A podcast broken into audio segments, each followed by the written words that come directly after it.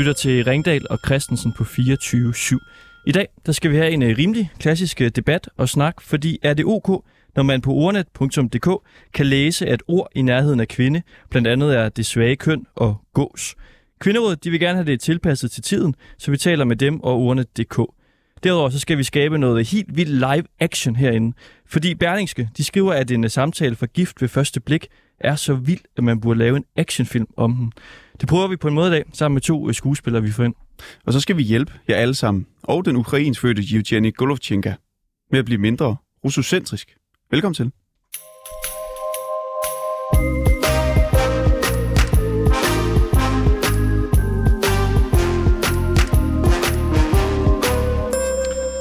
Kvinde. Ifølge ordnet.dk, som er en online version af den danske ordbog, så betyder det en voksen person af hundkøn, under tiden med betoning af biologisk eller samfundsmæssig status. Går man lidt længere ned af siden, så kan man så finde noget, der hedder ord i nærheden. Der kan man finde ord som mere, det svage køn, hystade, skude og gås. Det vil Dansk Kvinderåd altså have tilpasset til øh, tiden, fortæller de til os. Og der er også sådan lidt øh, forskel på kønnene, fordi kigger man på de ord, som øh, svarer til det her bare for, for mænd, så er de værste ord sådan noget som slipsedreng, skægabe og pusling, som øh, jeg udenbart vil synes var måske lidt, lidt En lille pusling er du. Ja, det er ikke noget, der ville øh, kunne få mig til at øh, få op din øh, dumme skæg, skæg, skægabe. Skæg, abe. Skægabe. Og slipsedreng. Ja. Vi har ikke slips på. Nej. Jeg ved ikke, om det er øh, ja, et dis at sige, når man ikke har slips på. Nej, så er det måske... Øh, ja, det ved jeg heller ikke. Men nu kan vi i hvert fald sige hej til dig, Yildiz Akdogan fra Kvinderådet, og øh, Sanni Nimp fra ordnet.dk. Hej med jer. Hej. Yildiz, hvorfor er det et øh, problem, at der står de her ord på øh, ordnet.dk, når man ligesom øh, kigger på øh, ordet kvinde? Ja, fordi det er meget øh, negativt øh, lavet. Der, altså, øh, den måde, de beskriver kvinderne på, er på en meget stereotyp måde, og slet ikke tidsvarende. Altså for eksempel så står der feminist ved kvinder. Det kunne også have, meget nemt have stået ved mænd, fordi i dag er der også mange mænd, der bekender sig til at være feminist. Det bør ikke være et uh, kun øh, kvindeting, og, og på den måde bliver den også negativt lavet. Og så synes jeg også, at det der med, at uh, man i et, et, et nutids dansk ordbog øh, bliver sat i bås med at være det svage køn, alene fordi man er kvinde, det sætter også en signal til rigtig mange unge piger, som øh, jeg synes ikke er... Ja, det er simpelthen ikke tidsvarende. Det er noget, øh, vi er nødt til at prøve at, at, at gøre op med, og beskrive det ene køn som det svage køn, og det andet køn som det stærke køn, fordi der står faktisk under mænd, der står der det stærke køn. Det, det er meget, meget, meget stigmatiserende. Ja, hvorfor står der de her ord? Sanne? Altså, de ord i nærheden, det er faktisk en automatisk funktion, der henter ord ind fra den danske begrebsordbog, hvor de her ord står under afsnit, der hedder kvinde. Øh, Og der kan man se, at der er, der er forholdsvis flere ord i sproget, der er negativt lavet om kvinder end om mænd. Og den afspejler sådan set bare det ordforråd, som er repræsenteret i danske tekster, og som er indsamlet og beskrevet i den danske ordbog, og så sorteret bagefter øh, i begrebsordbogen. Øh, og hvis der skulle være noget, man kunne påpege, så er det, at vi ikke har anført nedsættende ved alle de ord. Fordi så ville det ikke være helt så i øjnefaldende, som du jo siger, det er selvfølgelig. Det kan mm. jeg godt forstå. Men det fyldte simpelthen så meget i den der boks, så det ville eksplodere. Og det skulle ligesom forstås, at de var nedsættende, når de var sorteret sammen med hinanden. Altså det skulle man kunne læse indenad. Men jeg vil bestemt give dig ret, men de er altså automatisk trukket ind fra den danske begrebsordbog. Og den blev lavet i mellem fra 2010 til 2014. Og siden da er der sket øh, faktisk øh, rigtig mange holdningsændringer omkring det her, og vi er i gang med at opdatere den også med sådan nogle ting, så den næste udgave øh, ikke sorterer helt så grimt. Men, men ordene findes altså i sproget, for ellers var de simpelthen ikke med i den danske ordbog. Det er sådan, at når man kigger i danske tekster, så, så findes de her ord i de her betydninger. Og vi er egentlig kun deskriptive. Ja, Og du, det du opfatter, det er, at vi normerer og siger, folk brug de her ord om kvinder, og det gør vi jo bestemt ikke. Men det er med Nej, nej, til at det- bevidst os gøre os om, at det faktisk er det syn, der ligger skjult i rigtig mange tekster, i danske tekster. Det er det, det bevidst gør os om, når vi stiller det op på den der måde. Så man kan også se det positivt. Ikke? Nu får det os til at reagere, for det simpelthen... Jeg synes i hvert fald, det er vigtigt, ja. at vi tager den debat, og jeg synes også, at ja, det er det, der findes derude, men, men, men er også med til at reproducere det. Så, Jo, jo, så men vi sådan nødt er det jo. også Ordbøger er jo en særlig genre. Vi Vi- reproducerer jo ikke noget. Vi, vi, vi, at, vi beskriver, hvordan danskerne bruger det danske sprog. i Men må jeg så sige noget andet? Ja. Fordi at længere ned i den her beskrivelse, så er der faste udtryk. Og der står der, øh, ved kvinder, så står der nødt lære nøgen kvinder spænde, og den anden, der står der, øh, kv- øh, verdens kvindens ældste erhverv. Ja, Man kunne måske også have brugt en anden fast vending, der hedder en klog kone. ja altså, det er kunne- også en- men det det er er jo også under en kone, det er under kone. Jamen, det, men det definerer jo også, øh, hvad hedder det, ja, en fast vending i forhold til kvinder. Altså, det, det er bare for at sige, der er, altså, hvor ved manden, der er der lidt nogle andre mere Ja, men igen det er positivt ting. desværre sådan, at vi har arvet ordforrådet gennem århundreder fra tidligere tider, hvor de her udtryk var de mest almindelige, og vi forstår dem jo alle sammen og læser dem måske i ældre tekster, og den ordbog er jo ment som, at du skal kunne finde ud af, hvad det betyder så. Men det, der er rigtig, rigtig vigtigt, det er, at vi skriver, at det er nedsættende, eller at det bygger på nogle stereotyper om køn. Og det er vi begyndt at gøre ved rigtig mange ord, for eksempel ved, ved tøsedreng Hmm. og tøse fornærmet og sådan nogle ord. Der har vi begyndt at skrive nu. Men det er jo et kæmpe arbejde at komme hele ordforrådet igennem.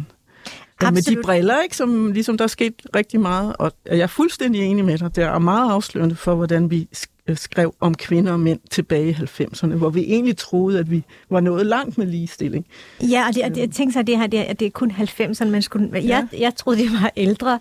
At, at, Ja, ja, men- men, men, jeg er også glad for, at der er sådan en åbenhed omkring, at Det I er bevidste om det, at, at det ikke er blevet ændret bevidst siden om det. Vi er i gang med at 2014. ændre rigtig Udmærket. Øh, Sanja, så lad os lige teste dig på, hvor, øh, hvor bevidst du er omkring det her. Du nævner, at du også giver Yildiz øh, ret et stykke hen ad vejen. Kan du lige komme ind på, hvor er det, Yildiz har ret? Skal ordene ændres, for eksempel? Ordene skal aldrig ændres ikke i en står ordbog, mere. så længe de findes, for vi skal jo kunne slå op og forstå dem. Ikke? Altså unge mennesker ved måske ikke, at mere er blevet brugt negativt om kvinder. Det skal de jo kunne slå op. Men vi skal sørge for, at vi hele tiden ajourfører de her øh, nedsættende betegnelser. Så vi Men når der så er så stor forskel, når man så kigger på, øh, på øh, ja, mand, så Ja. er der jo kæmpe, kæmpe stor forskel fra, Kæmpe forskel, ja. i forhold til, til kvinde. Burde der så ikke på en eller anden måde blive lavet om på det? Fordi hvis, når man går bare, hvis, hvis du som øh, øh, ung kvinde derude går ind og skriver ja. kvinde og skriver mand, sammenligner de to, så vil man måske tænke, hvor er det vildt, at Det der er, er så stor vildt, ja. forskel, er at vi vildt, bruger de her ord om kvinder. Og når det er en mand, så er det en ung øh, mand, en øh, kernekarl, en Ja, privatmand, en alvorsmand, en Ja. kanut, en starut, en lille fyr. Det- Desværre er det sådan i sproget, at der er flere negativt lavede ord om kvinder. Der er rigtig mange negative ord om vrede kvinder. Nærmest, der er faktisk ingen om en vred mand. Vi bliver nødt til at sige en vred ung mand, fordi vi har ikke noget ord for det. Mm. Der er rigtig mange ord om smukke kvinder. Næsten ingen om smukke mænd. Men derimod om mænd med meget hår, skæg, stærke mænd, mænd, der nedlægger kvinder, er der mange ord for. Så vi kan simpelthen se stereotyperne indlejret i vores ordforråd. Men du nævnte også, at det siger noget om den måde, som samfundet Det også øh, taler på. noget. Men siger det ikke også noget om jer, at det er de ord, I vælger at highlighte, når man Nej, på det gør kvinde? det præcis ikke, for vi, vi er fuldstændig baseret på tekstsamlinger. Så vi, vi, det er ren statistik, kan man sige. Ren statistik. Vi måler ordene, hvor hyppigt de forekomster, forekommer i danske tekster, og så tager vi dem med, hvis de er hyppige nok. Og de konnotation, konnotationer, der ligger i dem, ser vi i teksterne, og så viderebringer vi det i ordbogen. Men vi er begyndt at virkelig være opmærksom på, at vi må skrive et eller andet, for det går jo ikke, at det er så stereotypt. Men det er simpelthen sandheden om sproget, hvis det måles objektivt. Og det er jo der, det virkelig er noget, vi skal holde øje med alle sammen. Ikke? Vi skal alle sammen ændre vores sprogbrug, så det kommer ind i teksterne på en anden måde, og så vil ordbøgerne begynde at ændre sig. Men, men der, vi, har, vi, hvis jeg må lige sige noget her, men, men som du siger, det her, det er jo det sidste, der, der blev revideret, det var i 14, er det korrekt forstået, at der ikke er sket noget siden, øh, og, og der er jo kommet mange flere ord, for eksempel at igen, altså, der er mange unge mænd, der også vil betegne sig som feminist, Ja, ja, hvor det ikke nødvendigvis er noget negativt lavet. Mm. Øh, så, altså, så jeg tænker, er der også en åbning for, at nu er der kommet nogle flere ord øh, i, i de her vågtider, hvor der er at kommet nogle mere med. Flere ord med, som kan, med. Ja, vi prøver at holde øje hele ja, ja, som også kan være med til at netop... Og du har op- helt ret i, at feminist også burde stå under mænd, eller måske kun stå under ligestilling, Ja. ja. og ikke være noget, man forbinder med det ene køn frem for det andet. Det har du helt ret i. Må jeg lige forstå det teknisk i det her? Så når der for eksempel står hofdame, det er ikke et ord, som bruges øh, så ofte længere. Hvorfor øh, står det der for eksempel? Er det så Det fordi, det er blevet brugt x antal gange i bøger og artikler? Ja, det er fordi, at det har forekommet i sin tid i den, i den tekstsamling, som den danske ordbog byggede på, som var tekster fra 80'erne, masse litteratur og fagsprog og avistekster, sågar dagbøger. Der har det ord forekommet. Det er også fordi, det har forekommet i, i en ordbog, de tidligere ordbøger i dansk. Ikke? Altså, For jeg tænker umiddelbart også, at der er stadigvæk mange andre ord, der er med til at beskrive øh, kvinden. Så I må jo på en eller anden måde have valgt nogle ord fra, trods alt. Der er nogle ord, som ikke er kommet med. Så det, jeg tænker, det er, kunne man ikke bare vælge at fjerne nogle af de her ord, som mær, øh, ja, hvad der ellers hundkønsvæsen, øh, overklasse kvinde, feminist, Husbestyrerinde. Altså, husbestyrerinde, sportskab. Altså, i Nej, princippet kunne du altså, vælge ja, at fjerne nej. de ord, du gerne vil, fordi Ja, der er som så- sådan ikke en... Det er jer, der sætter grænsen. Nej, det er ikke os, der sætter grænsen. Det er sproget, og det, at de forekommer i teksterne, der sætter grænsen. Og det, i, i et samfund med ytringsfrihed Men hvad skal der vi til jo for, at et ord fremkommer? lad mig lige forstå det. For at ord skal komme med i ordbogen, så skal det være i en, et vist antal årgange i de tekster, vi sidder og undersøger. Og lige nu har vi over en milliard øh, løbende ord øh, og masse journalisttekster, og faktisk i de journalisttekster er der også de ubalancer. Men der er Hvis du måler ord- det, så vil du se kvinder forbundet med udseendet, men mænd forbundet med deres erhverv, for eksempel. Ikke? Men der er vel flere ord, der beskriver kvinden, end dem, der øh, fremgår her. Øh, altså, nu tror jeg nok, at vi var meget grund... Altså, det er jo fordi, I snakker om begrebsordbogen.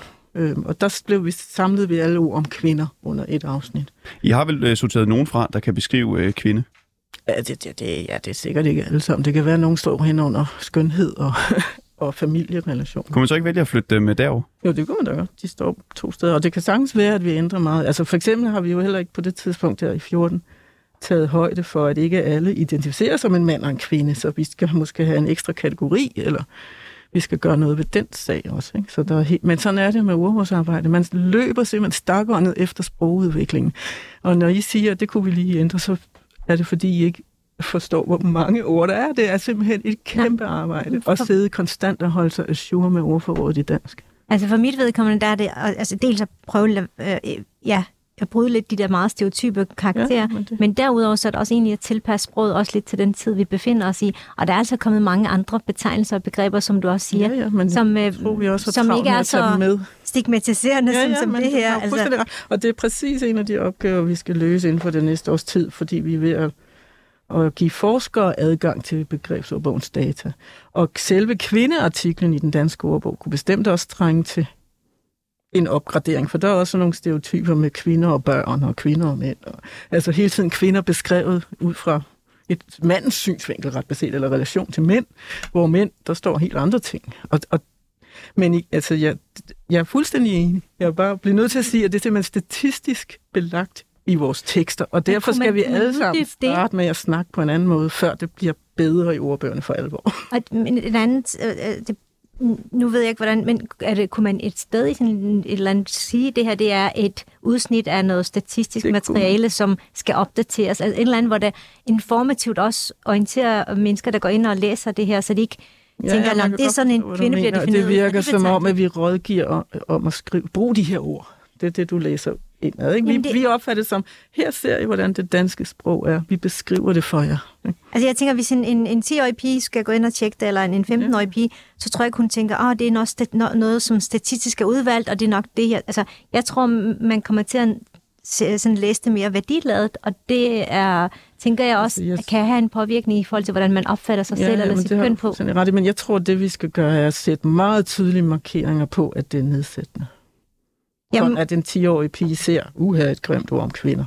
Altså det der Ja, med at begynde at luge ud i, i det grimme sprog, eller, eller de negative tanker, det, det kan man jo ikke i et, ytrings, i et Jamen, der samfund der- med men- ytringsfrihed, det kan man ikke. Men der er der masser af ord, som vi øh, ikke siger nu, som vi sagde for øh, 5-10 år siden. Præcis. Så kan man vel godt luge lidt ud i det. Ja, så kan man luge ud, når det på et tidspunkt viser sig, at det næsten ikke forekommer længere.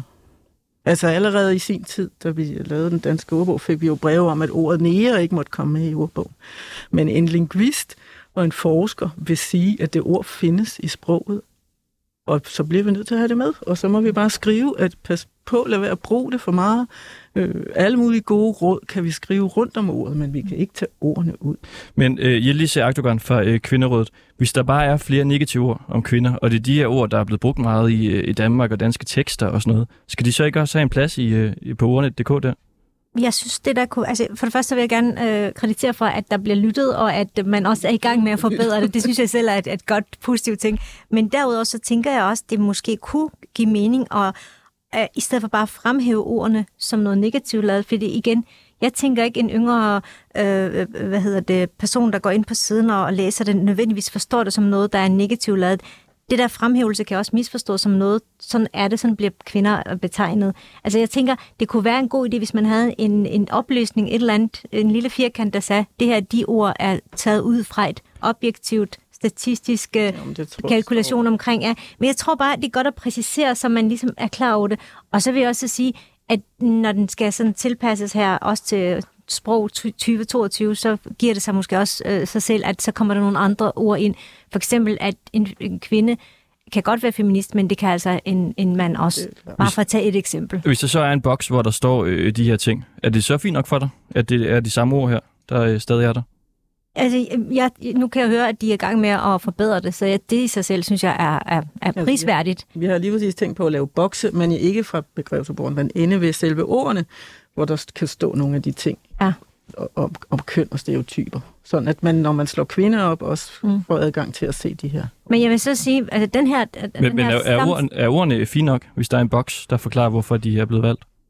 Jeg, jeg tror i hvert fald, det giver et bedre indblik i, hvorfor lige præcis de ord bliver koblet til det. det, det vil, jeg vil i hvert fald synes, det er mere informativt øh, og også, også mere retvisende, fordi man kan godt misforstå det, hvis man ja, går ind og læser det. Man kan misforstå det som et og det- godt råd om, om Ja, god sprogbrug, præcis. og det er Og det bestemt andet er- mening. Må jeg lige sige noget andet? Det andet er, jeg synes også, det er vigtigt, at når vi har den her diskussion, det siger også lidt omkring, hvordan vi generelt bruger sproget i det offentlige rum, og hvordan vi taler. nemlig det, det hvordan, øh, altså nu hørte jeg også, at journalister, hvordan de, når de skriver artikler, er meget sådan, måske begrænset i forhold til sprogbruget, hvor det bliver koblet til en bestemt køn. Mm. Øh, så, så der er også en kæmpe stor opgave i, hos os alle, at vi prøver at tænke lidt ud af boksen, og ikke koble øh, det svage køn til kvinden, og det stærke køn til manden, øh, og prøver lidt ligesom ja, komme ud af de der meget, meget stereotype kliché-betegnelser af, af hinanden. Men kan man sige så, at I startede med at sige, at det skulle tilpasses til tiden? Ja. Det, det handler mere om nu, at de siger, at der skal lægges en, øh, en boks ind, og så Nej, det, det, det bliver jo tilpasset til tiden ved, at, altså, at der kommer under de der... det svage køn og det stærke køn står der noget om stereotyper nu i den danske ordbog, men, men det er jo ikke noget, de her ord bliver jo hentet ind for at give vari, altså folk en variation i, hvad de kan vælge at bruge. Ja. Altså det, jeg kan godt forstå, at du synes, det virker lidt uheldigt der. Det er Altså, vi har en ikke, generation af unge, Ja, ja. øh, der bruger rigtig meget internettet. Mm. Og jeg tror bare, at nogle gange skal de måske lige også Jamen. hjælpes lidt på vej, fordi at hvis de bare det første, de læser, det er det her, så kan det godt blive nej, men et det forkert kan- billede. Ja. Det, det kan godt være, at det er bare mig, der ikke øh, har forstået det. Men altså, må, må de her ord gerne stå, som de gør nu? Hvis der er en boks, der forklarer, hvorfor de er blevet valgt? Men det her, det, de her ord kommer ikke til at stå, sådan som jeg har forstået det. De bliver jo tilpasset i forhold altså, til det de nye. der der ord er trukket automatisk ud fra et afsnit om kvinder, og Ja. ja. der, der er alle mulige ord for kvinder, både nogle negative og nogle positive. Ja. Og så er det landet lidt, altså det er ikke en menneske, der har siddet og indsat præcis Det det, ved det der. Det er med på. Så ordene vil I stadig have, have ændret? Jamen, jeg, nej, jeg, har, jeg har ikke sagt, at vi skal ændre ordene. Jeg, jeg har Jamen, sagt, skal at vi skal tilpasses ændres. til de ord, vi også bruger i dag. For eksempel, at vi bruger, øh, vi ikke nødvendigvis kun kobler svag køn til en kvinde og stærk køn til en mand. det har vi også gjort Og i den det- danske ordbog, og det er jo der, det kommer fra, det der. Ikke? Ja. Men det, altså, redigeringen af den ordbog øh, stoppede i 2014. Øh, altså, Ja. Så, så det skal tilpasses, men det skal ikke ændres? Nej, jeg, jeg, jeg tror, det er vigtigt, at vi, øh, vi øh, respekterer netop det der med, at der er nogle ord, øh, øh, altså hvis, hvis vi fjerner det, så, så kan det godt gå hen og skabe et, et, et forkert billede af, hvordan ordene også har udviklet sig. Det der er opgaven her, det er jo netop at prøve bruge de nye ord og prøve at betegne det, så man ikke på den måde skaber stereotyper. Så I vil have tilføjet flere ord? Altså de samme ord? Ja, jeg vil for eksempel ord. gerne have for ordet feminist brugt også Ja, ja. til en mand. ja, men det, jeg sætter det gerne ind under mand også. Eller, Men eller altså, stærk, stærk det- køn under piger og, og Ja, hvis køn under mænd. klikker på ordet, får du de forklaringer, som du eftersøger allerede nu. For nogle af de problemer, du nævner der, har vi faktisk allerede behandlet. Udmærket. Og så lad os lige kigge ind i fremtiden, øh, bare lige her til sidst. Det lyder også på dig som om, at der skal ske noget. Ja, altså, vi oplever jo virkelig en, en revolution, vil jeg nærmest sige, inden for... Vi oplever en revolution. sprogbrug? Ja. Er det så i år øh, eller næste år? Hvornår øh, går I ind og revurderer den her øh, side? Altså, den her side...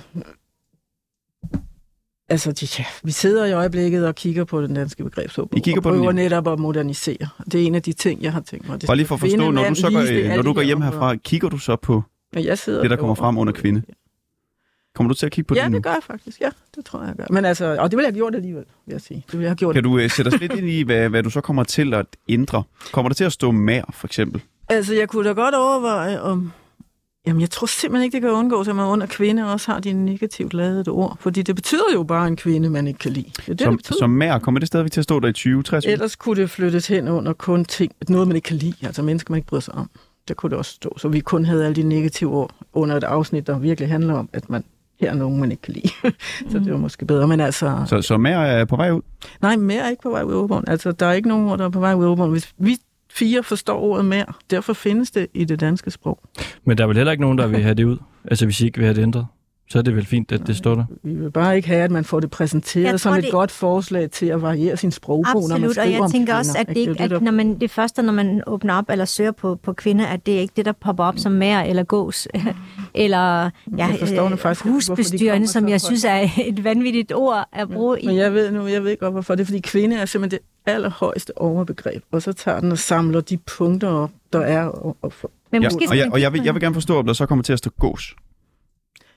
Øh, jeg tror da, jeg vil gå tilbage og, og ly- altså, jeg er fuldstændig enig. Det vil jeg bare sige med det Men samme. kommer der til at stå gås? Nej, der kunne godt... Det, kom- altså faktisk, strukturen gør, at man bliver nødt til at have det på den måde, men altså, jeg, ja, lad os kigge på det. Øh. Det kan være, der står gås nedsættende. Tydeligt, Okay, tydeligt, så tydeligt. gås er lidt på vej ud. Øh, Mær, er det lidt på vej ud også? Det er ikke, hvem, jeg forstår ikke, hvad du mener med på vej. At det simpelthen ikke skal fremgå ind på den her side, når man søger på kvinde? Øh, jamen, det er da muligt. Det vil jeg overveje. Ja, det, Er der, er der andre ord, du umiddelbart det tænker, du skal overveje? Hvad med hystade?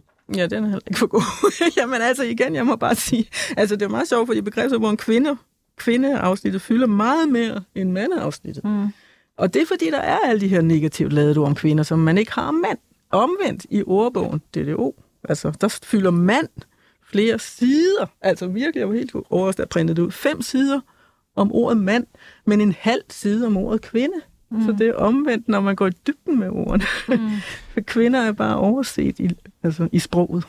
Okay, så altså øh, muligvis øh, en eller anden form for ændring. Det kan være, at du går hjem og, og kigger lidt på det. Og så må vi jo i se, hvert fald. om vi øh, stadig skal kalde kvinder gås. Så ringer vi til jer igen i næste år. Ja, det er i hvert fald Ja, glad jeres for, at der bliver lyttet. om Og, kvinder. Så må vi se, om, øh, om det er tilpas. I sværger, jeg aldrig har sagt gås i hele jeres liv om en kvinde. Det tror jeg ikke, jeg har. nej, heller ikke. Yildiz Akdogan fra Kvinderådet og øh, Sanne Nem fra Urne.dk. Tak fordi I vil øh, komme forbi. Så øh, skægge Abbe Kristoffer, du kan lige sætte en øh, skiller på.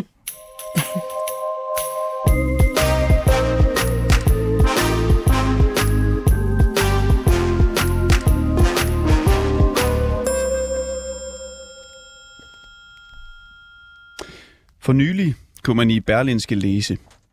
Putins synspunkter skinner igennem i den danske debat om krigen i Ukraine og blokerer for en forståelse af Rusland som kolonimagt.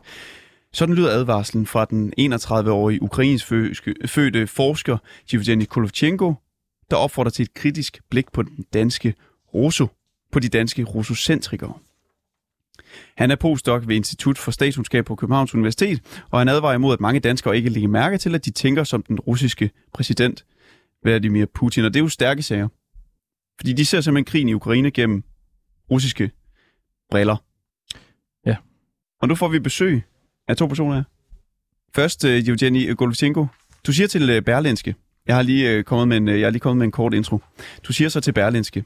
Jeg har selv på mange måder et russocentrisk perspektiv. Jeg ved for eksempel ikke særlig meget om, hvad man tænker om forholdet til Rusland i Mongoliet. Og netop det skal vi tale om i dag. Altså hvorfor øh, ja, har du på mange måder et russocentrisk perspektiv, fordi du ikke ved særlig meget om forholdet til Rusland i for eksempel Mongoliet. Og så får vi besøg af en, som skal forklare dig lidt om forholdet til Rusland i Mongoliet, og se om du derved bliver mindre russocentrisk. Men først, vil du ikke bare lige forklare, hvorfor danskerne ser krigen gennem russiske briller? Ja. Øh, tak for, at jeg må, må være med. Altså, når jeg taler om øh, det russocentriske blik i Danmark, så taler jeg om dele af den danske debat. Og det, jeg mener med det, det er et, et tankemønster, hvor en del danskere, øh, selv i 2014, men også til dels i dag, påtager sig det russiske samfunds perspektiv på Rusland og Østeuropa er relativt ukritisk. For eksempel ved at se Østeuropa som en interessesfære, øh, en baghave. Hvis baghave, selvfølgelig Ruslands baghave. For eksempel ved at sætte lighedstegn mellem øh, øh, russisk sprog og det at være russer eller pro-russer. Men øh, det afspejler sig på mange måder, som jeg ikke vil kede jer for meget i, men det afspejler sig også blandt andet i, at vi, vi ser på den her verdensdel, hvor vi har en kæmpe aktør, og det er den, vi fokuserer på. Det er deres kultur, vi lærer, det er deres øh, sprog, vi uh, interesserer sig for, deres øh, litteratur, vi interesserer sig for, og bliver relativt blinde og måske uinteresseret om, om de lande, der ligger tæt på. Og hvis du kunne blive bare sådan lidt uh, konkret, hvem er de her danskere, som har et uh, russocentriske perspektiv? Det vil jeg ikke komme tæt på, uh, ind på. Jeg synes, det er relativt ukonstruktivt at prøve at kigge tilbage til 14, 15 og 16 og sige, du tog fejl her, der og der. Det er et tankemønster, som nogen har mere end andre. Uh, det, nogen bliver bedre til det end andre. Jeg er selv del af det, og jeg er ikke til mig at nævne navn. Hvorfor? Fordi det er bare ikke særlig konstruktivt. Det skal handle om personer. Hvorfor skal det handle om personer? Det handler om tankemønstre. Og øhm, hvorfor bliver du så mere russocentrisk af for eksempel ikke at kende til forholdet til øh, ja, Rusland i Mongoliet? Jamen, min, øh, min, altså, min egen biografi er, er jo, at jeg er født i Kiev og boet på Krim og er kommet fra et øh, russisk familie. Og i min øh, ignorante verdensbillede, så øh, jeg kender jo meget mere til russisk historie, end jeg kender til for eksempel øh, lettisk historie. Og øh, for mig, altså lande som Kazakhstan, Mongoliet, Kyrgyzstan, dem, det, er, det er slet, altså som barn har jeg altså aldrig stoppet op og tænkt, de har måske også deres egen historie, deres egen øh, syn på fremtiden. De er også aktører i deres egen historie. Øh, det er bare et eksempel på det. Jeg, jeg, tror, der er mange danskere, som jo ikke kender til, til forholdet, altså til Ruslands forhold i, øh, i Mongoliet, eller til Rusland i, i Mongoliet. Og de ved måske kun, at landet grænser op til Rusland. Det var i hvert fald det eneste, jeg, øh, jeg vidste. Jeg ved ikke, om det var det, du også vidste inden. Øhm... Du vidste noget om Genghis Khan. Jeg, jeg, jeg, jeg, jeg ved, at Mongoliet er et meget stort land med en meget relativt lille befolkning. Jeg ved, at de har været delvis besat af uh, sovjetisk magt, og jeg ved, at uh, i hvert fald sådan, som det er i min hukommelse, det, det har et stykke tid været en form for godsøjens satellit til Sovjetunionen. Men betyder det så, altså på grund af manglende viden, så er danskerne russocentrikere? Nej, altså manglende viden kan simpelthen betyde, at man er russocentrisk? Det tror jeg bare lige, jeg skal forstå. Det russostatiske blik, som jeg kalder det, mærke til, det er en, for det første udtaler mig ikke som ekspert. jeg er ikke ekspert i det her. Øh, det, det er mig, der er mange på bedre at prøve på at øh, beskrive et større mønster, som består af flere elementer. Blandt andet, at vi sætter livstegn mellem russisk og øh, at være russer eller på russer. Blandt andet, at vi ser øh, Ruslands naboer som et vedhæng til Rusland, som øh, nogen, der ikke har deres egen ag- øh, agens. Og det afspejler sig også som en del af den større pakke, at vi ikke rigtig interesserer os for de her lande som selvstændige aktør i deres egen historie, som nogen, der ja, er andet end vedhæng til Rusland. Jamen, jeg, jeg tror bare, jeg skal forstå, hvordan manglende viden på en eller anden måde gør danskerne til ja, byttedyr for Putin. Det synes jeg lige, det er det, der er sagde det. det jeg det har en journalistisk stramning. Ja, det må man nok sige, det er. Øhm, som sagt, hvis du ser øh, Østeuropa, nu er Mongoliet er godt nok ikke en del af Østeuropa, øh, som Ruslands baghave, så hvorfor skulle du lære for eksempel lettisk historie? Hvorfor skulle du lære øh, letternes eget forståelse af Rusland og sig selv? Øh, altså, vi har alt for længe set det fra russisk perspektiv. Og i russisk perspektiv, sådan som det bliver promoveret af den russiske stat, og sådan som mange russer har det, det er Rusland, der er centrum. Det er Ruslands historie, der er vigtig. Det er Rusland, der er aktør. Alt, alt, alt omkring er sådan set russisk interessesfære. Udmærket, og vi vil gerne undersøge noget her i øh, programmet, øh, programmet fordi du har så relativt øh, ringe indsigt om ja, det her forhold. Og det gør så dig selv til en form for russocentriker. Og ja, at du ser krigen i Ukraine gennem russiske briller. Og det, det kan vi jo ikke have. Altså, det, det går bare simpelthen. Altså, det går ikke. Heller ikke, at danskerne kunne have det på samme måde. Så nu vil vi sige hej til dig, Mette Holm. Hej. Journalist og forfatter, du har skrevet øh, om Mongoliet i din bog Mongoliet stemmer fra steppen, hvor man kan komme, citat, helt under huden på mongolerne og livet i et af verdens mest oversette demokratier. Og du skal nu lære din sidemarker, I står ved siden af hinanden, om Mongoliet, så han kan blive mindre russocentrisk. Ja, det vil jeg meget gerne, men først vil jeg sige, det som Evgeni her siger, adskiller sig jo ikke fra, hvad jeg har nu i mit snart 40 år i virke som journalist forsøgt at oplyse i Danmark, så vi ikke kun har været afhængige af New York Times, National Herald Tribune og alt det der. At uden at tolke på, hvad Evgeni siger, så tror jeg lidt, det er det, at man skal prøve at få sit eget syn på alt muligt. Således også Mongoliet. Ikke? Øh, Mongoliet har jo været verdens største rige. Det var det første land i verden, der udstedte pas. Det er, som Evgeni også sagde, det er meget stort. Det er tre gange så stort som Frankrig, halvanden million kvadratkilometer, og der bor godt 3 millioner mennesker. Det er ikke så mange, vel? Det er et af de tyndest befolkede øh, lande i verden. Det er en fuldstændig vidunderlig befolkning, hvis man spørger mig. Jeg har måske fået indtaget, jeg har været der meget. Øhm, stolte, selvstændige, og de lavede en meget fin revolution, da, da Sovjetunionen blev nedlagt, og Mongoliet var, som Evgeni også lige sagde, i alt andet end navn, der hvad skal vi sige, den 16. Sovjetrepublik. Og det var jo det andet kommunistiske land efter Sovjetunionen. Så de har været meget tæt på Sovjetunionen øh, dengang det eksisterede. Mongoliet har ikke noget adgang til havet og ligger fuldstændig klemt inde som en sandwich mellem Kina og Rusland. Og det er den onde lyn, man skulle jeg hilse at sige, nogle store øh, øh, hvad, naboer at have, som man skal holde tungen meget lige i munden. Og det har de gjort i, i mange år forsøgt. De blev selvstændige, eller hvad skal man sige, de blev u- øh, demokrater og, og uafhængige, eller hvad man kalder det, i 1990. Sovjetunionen trak sig ud i 92, soldaterne trak dem hjem. Øhm, de skal hele tiden balancere i forhold til, hvad siger naboerne. Kina vil bare helt vildt gerne have alle deres råstoffer og gå til dem, og, og Rusland vil meget gerne stå for deres sikkerhed. Øh, og lige nu så har de prøvet meget hårdt ikke og, og kritiseret Rusland for invasionen i Ukraine. Det eneste øh, medie i Mongoliet, som omtaler invasionen i Ukraine, krigen i Ukraine som en øh, øh, øh specialoperation, er det statslige, øh, det statslige Montsame øh, nyhedsbyrå. Alle andre øh, taler om krig og invasion. Lige nu myldrer det ind med, øh, med russere på grund af, af Putins mobiliseringsordre. Og, og det er svært for dem at tage imod. Det er også svært for, for mongolerne simpelthen at sige, at, at kritisere Rusland, fordi de er bange for, de har jo set i Ukraine for eksempel, hvad der sker, hvis man går op imod Rusland. Samtidig er de meget afhængige, blandt andet af russisk gas og sådan noget. Øhm, de har en udenrigspolitik, som de selv har opfundet, den hedder de tredje naboers politik, og det handler om, at, at Mongoliet prøver at stikke stikkene ind i alle mulige lande på den anden side af de to. Det kan være Japan og, og multinationale, altså FN, øh, udviklingsbanker, altså alt, hvor de kan stikke stikket ind, verdenshandelsorganisationen.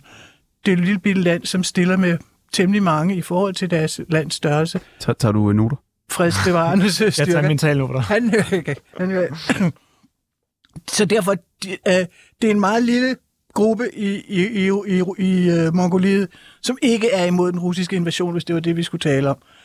Øh, men officielt tør de ikke sige det. De stemte ikke øh, de, hvad hedder, de undlod at stemme i FN, der, da der var en øh, beslutning i uh, generalforsamlingen, øh, hvor der var andre, som, som ligesom stemte imod. Så de gjorde det meste, de tog i deres sandwich mellem Kina og Ruslands situation. Ikke? Øh. Jenny, har du, har du et spørgsmål? Ja, det har jeg faktisk. Du, du øh, ser ud som, du lytter meget intenst. Det gør jeg. Jeg synes, det er super fascinerende. øh, noget af det, som... Øh, altså, vi har selv talt om Mongoliet og Sovjetunionen og Mongoliets forhold til Sovjetunionen.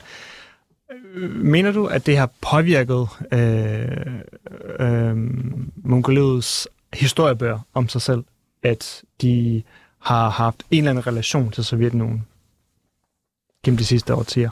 Øh, altså, de var under det, de selv betragter som en slags sovjetisk styre, eller i hvert fald mm-hmm. voldsom indflydelse i 70 år. Mm-hmm. Og det er en tid, som de, de allerfærreste om nogen mindes med glæde. En af tingene, der kan altså for eksempel forbød Sovjetunionen eller, eller øh, det regime, som blev indført med sovjetisk øh, øh, støtte. Religionen i meget, meget voldsomt, altså der blev munke blev sat til at pille alle templerne fra hinanden, og så skulle de bygge parti, partihovedkvarter i stedet for, og så blev de skudt. Altså, der har været nogle forfærdelige massakre.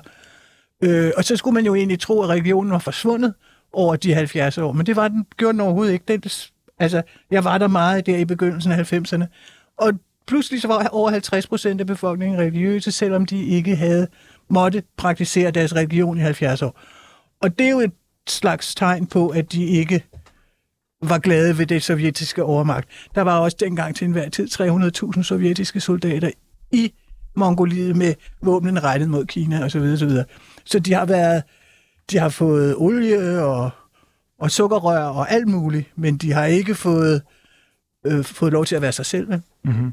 Altså, da jeg læste historie i ukrainsk skole, inden jeg kom til Danmark, så havde jeg både historiebøger fra Sovjetunionen, fordi man kan ikke nå at omskrive bøger, historiebøger så hurtigt, og, øh, og moderne historiebøger. I, det, I den ene bog, sovjetiske bog, der, der læste jeg om øh, det store venskab mellem Ukraine mm. og det russiske folk. Mm. Talt meget om det russiske folk, som kerne i Sovjetunionen selvfølgelig. Og i, de, i moderne historiebøger har jeg læst om... Øh, ja, bolsjevikernes massakre for eksempel i, i Ukraine og øh, sovjetisk undertrykkelse, øh, hvor der var sådan meget, øh, meget stor skæld mellem præ øh, Sovjet, Sovjetunionens fald og efter Sovjetunionens Ja. fald i, i selvfortælling, national selvfortælling.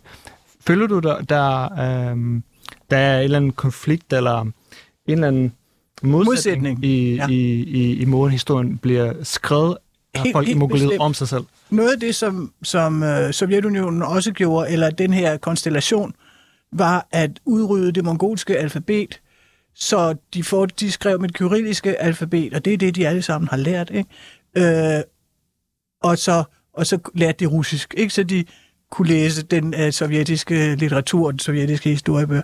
Og det er jo voldsomt for et land. Nu ved vi bare i Danmark, hvor få bøger, der efterhånden bliver trykt på dansk, fordi sprogområdet er for lille. Og deres, de er under halvdelen af os. Og de skal genopfinde deres sprog og deres alfabet.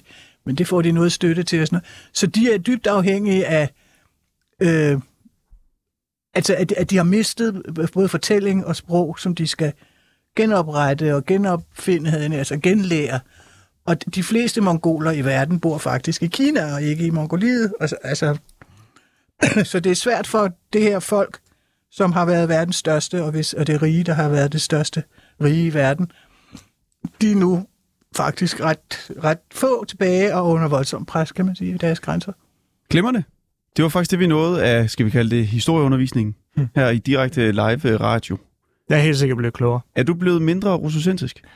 Øh, det håber jeg. Forhåbentlig er jeg blevet lidt, lidt mere mongolid-centrisk øh, i mit syn på mongolid. Det er jo bare det et håber spørgsmål om oplysning. Det er jo ikke...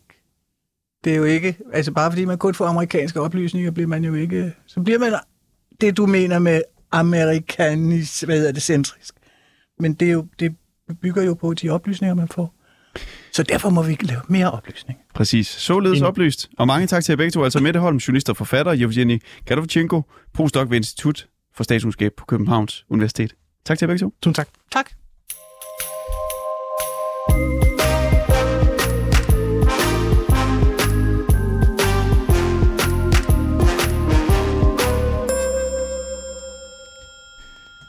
Okay. Nu skal vi skabe en uh, live øh, action scene her i studiet. Nu skal vi have tempoet lidt op. Hold nu op, det bliver øh, makraltid nu, fordi vi skal ud fra en scene, der har udspillet sig i øh, DR1-serien Gift ved første blik, nu lave noget live action. Det skal vi, fordi en overskrift på Berlingske lyder sådan her. Men med lige dele på tallerkenen. Den samtale fra Gift ved første blik var så vild, at man kunne lave en hel actionfilm om den.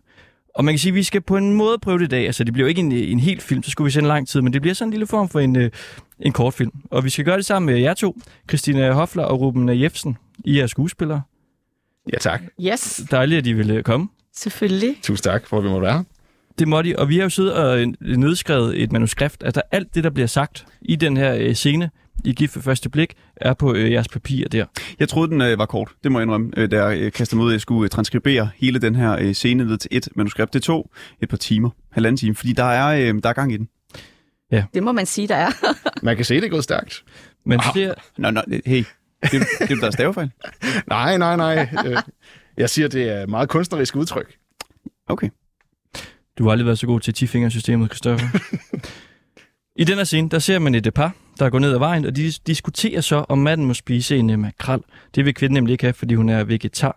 Det snakker de lidt om. Lad os lige høre et uh, lille klip fra det uh, rigtige gift ved første blik her.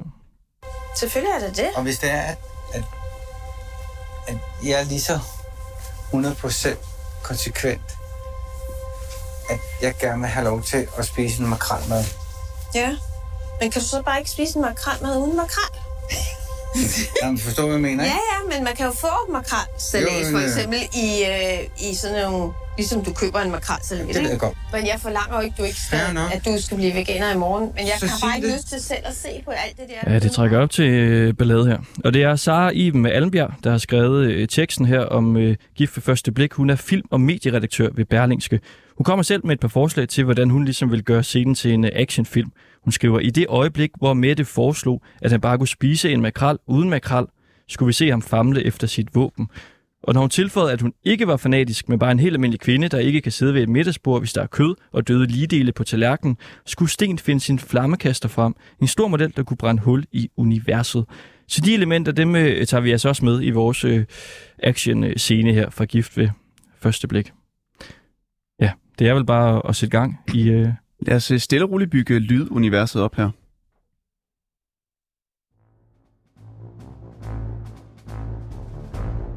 Det er lidt action. Ja, og så er det vel noget med, at man siger,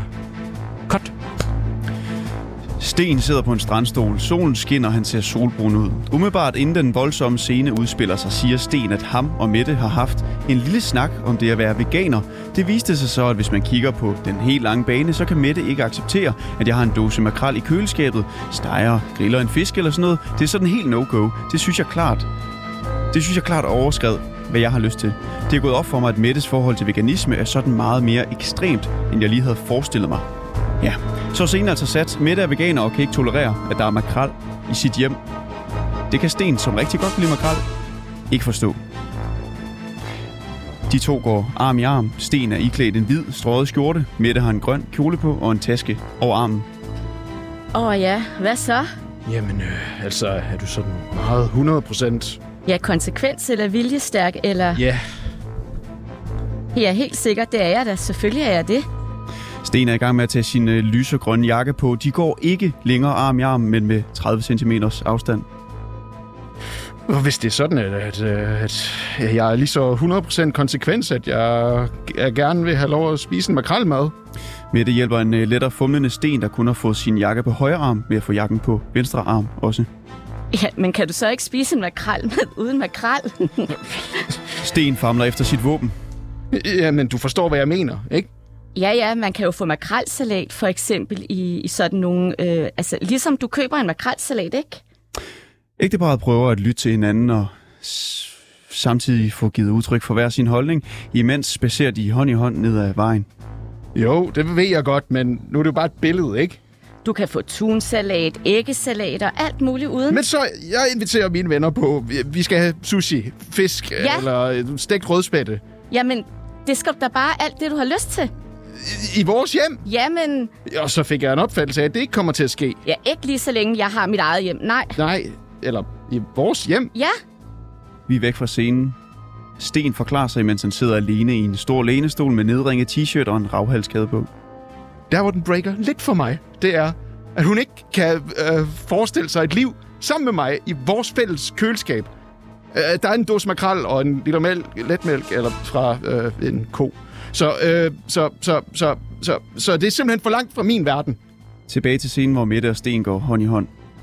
veganere, som har været veganer længe, de lever i gennemsnit 9 år ældre end kødspisere. Sten vender sig mod Mette og tager begges, begge hendes hænder i sine. Han begynder at blive berørt af situationen. Jeg synes, jeg prøver at bevæge mig mod det at have et vegansk liv. Ja, gør du det? Ja, Bortset fra letmælk og makrel eller hvad, og en bakke æg? Jamen, ja, øh, jeg siger bevæge mig. Det, det er jo ikke sådan... Nej, nej. Jeg synes, jeg prøver at bevæge mig, sådan at jeg skipper mere og mere kød, og jeg køber mere økologisk. Jeg køber mere og mere bæredygtige ting. Det, det er ligesom det, jeg kan tilbyde. Til verdensfreden? Ja, ja. Og hvis du ikke kan acceptere det, og siger, at det er simpelthen for lidt sten, Jamen, jeg forlanger jo ikke... så er det fair nok. Du skal, ikke, du skal blive veganer i morgen. Jamen, så sig det! Jeg har bare ikke lyst til at se på alt det kød.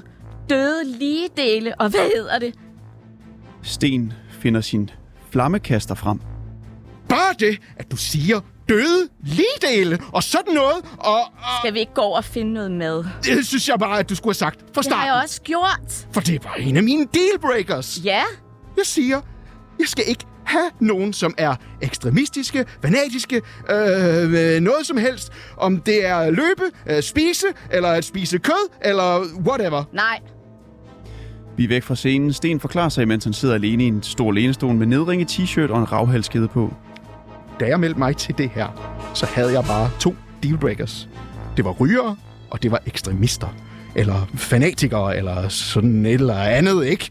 Det var de eneste to, man ikke kunne have med at gøre.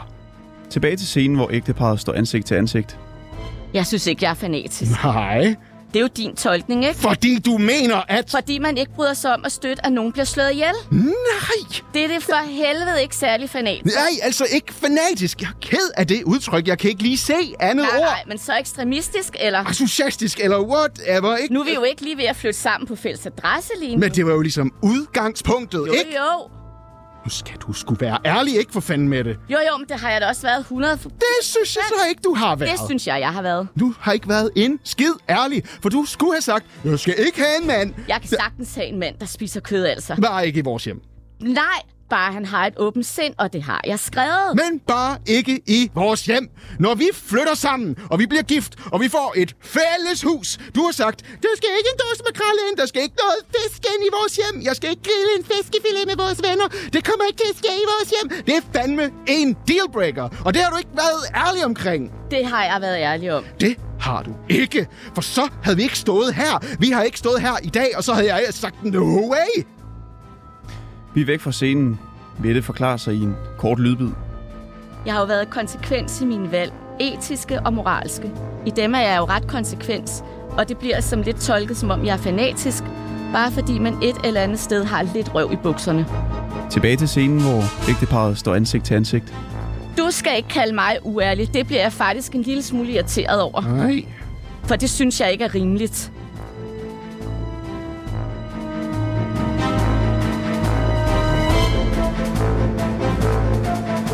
Scenen slutter ved, at de i stillhed sætter sig, sætter sig til bords på en restaurant. Christina Hofler og Ruben Jefsen, tusind tak for det. Selv tak. Selv tak. Det var en fornøjelse.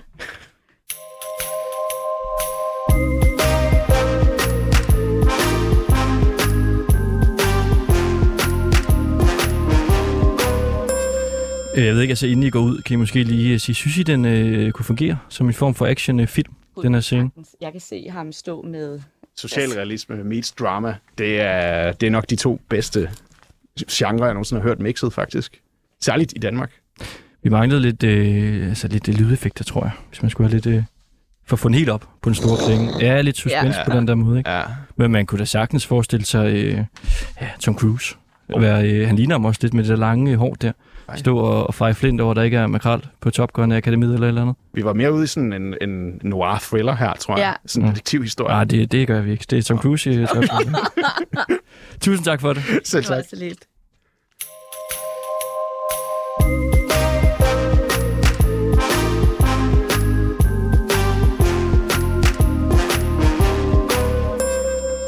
Og tidligere i dag, der øh, talte vi lidt om nogle af de ord, der står inde på Nordnet, øh, ikke Nordnet, på ordnet.dk, når man går ind under kvinde. Øh, der står øh, ord, der øh, minder, som, øh, minder om kvinde, og der er blandt andet ordet gås og, og så videre. Tidligere i dag, der sendte vi vores reporter, Anna Margrethe Havgård, ud i øh, Københavns gader for at prøve at se, hvad der sker, hvis man kalder de her, øh, altså bruger de her ord til fremmede kvinder. Også et par mænd. Og det er jo ikke øh, for børn, nogle af de ord. Okay, det er gås. Mær. Ja, okay. Hej, din skude. Hej. Hvad står du og venter på? Jeg venter på min veninde. Er hun en mær? Papa, Er hun en mær? en mere? Ja. Nej, hvorfor spørger du om det? Er hun måske husbestyrerinde? Ja. Er hun lesbisk? Overhovedet ikke. Hvad spørger du for? Jeg er bare nysgerrig. Nå. Er du lidt en hystade? Nej, det er jeg ikke.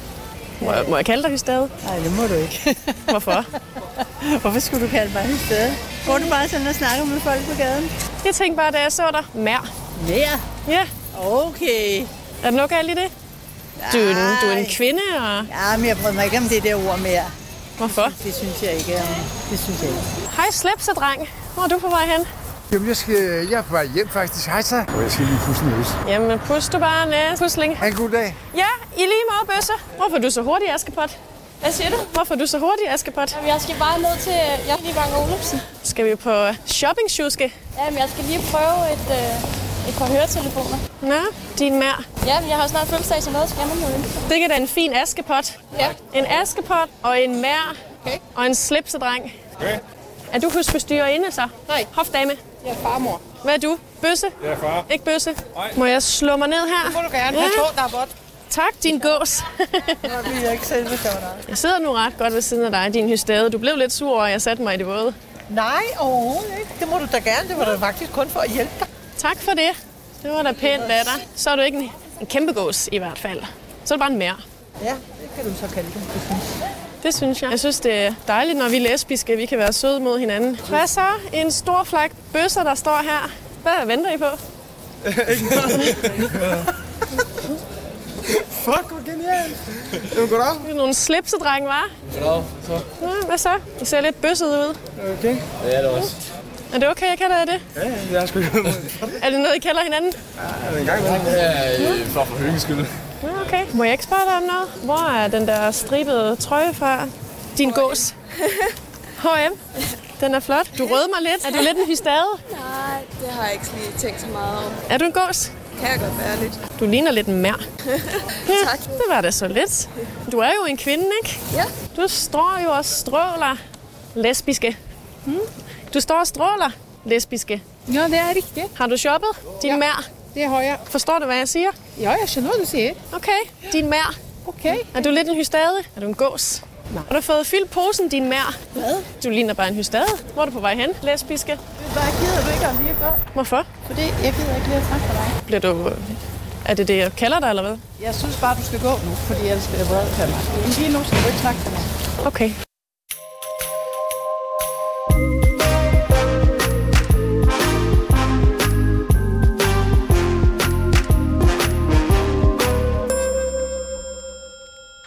Pige, dame, kone, frue, dame, menneske, fruen til mig, kvindfolk, madame, alene pige, veninde, hustru, kunstnerinde, hofdame, feminist, overklasse kvinde, sjuske, gåsmager. Kære kvinde, har sindssygt mange, skal vi kalde det synonymer, eller i hvert fald ord, der relaterer sig til hende. Ja, og det var øh, Nana Margrethe Havgaard, der var ude i København for at prøve at, at bruge de år over for nogle øh, fremmede kvinder, og se, altså, hvad synes de egentlig om, at lige øh, lægger en mær ind efter en, øh, en linje. Det gik jo fint nok, synes jeg. Man kan konkludere, at det er i hvert fald ikke de her ord, man lige kan kaste efter et rigtigt kvindfolk. Så Nej. bliver hun sur. Ja, det gør hun. I morgen, der kommer der ikke til at være nogen, der suger. Det bliver liv og glade dage. Hold nu op. VM-pokalen. Altså den her ikoniske guldpokal med sådan en øh, bold på toppen. Den er blevet fløjet ind i dag i øh, Kastrup Lufthavn. Jeg er medlem af sådan noget øh, folk, der spotter fly på Facebook. Og folk de har delt så mange billeder af flyet, FIFA-flyet, Nå. som, øh, som lander i dag. Og folk de skriver om, hvor lander det henne? Er det på A8 og, og sådan noget? Så der er en fra Kastrup, der melder ind. Jeg har sagt, at de skal lande ved E9, fordi der er rigtig gode øh, fotoforhold. Så har folk været ude i lufthavnen for simpelthen at, at se, når flyet med pokalen lander. Folk de skal se FIFA-flyet øh, lande. Det er også et flot fly. Der står ligesom FIFA på, og der er sådan noget øh, vinyl, eller hvad det er, der er på det. Men den der pokal, den kommer ind i morgen i parken. Danmarks Nationalstadion. I morgen, stort set hele dagen, kan man booke en time, hvor man ellers kan gå ind i parken og se den her fantastiske, fantastiske pokal. Ja, og vi har selvfølgelig øh, tilmeldt os, vi skal sende live derinde fra i morgen. Og vi skal gøre det sammen med en, der hedder øh, Claus. Han er en stor fodboldfan. Nogen kan måske øh, huske ham lidt for, for det her klip. Der kommer lige en øh, reklame en rotte her. Jeg har skrevet til Claus, om han ikke vil med os ind og se pokalen, og så skriver han, okay, jeg er helt høj. Ja for helvede. Hold kæft, jeg ryster helt vildt. Så skriver han, dejligt. Hvornår? Jeg er helt høj. Han, han, altså, han er fuldstændig ekstatisk over, at han skal øh, se den her pokal. Lad os lige høre det her klip her. Vi skal have vodka i Rusland. Vodka i Rusland! mand! Tusind tak, du. Tak, Irland. Fuck jer. Yeah. I taber, mand. Ja. Kanonfyr, som vi i morgen skal mødes med og kigge på VM-pokalen. Det var Ringdal og Christensen.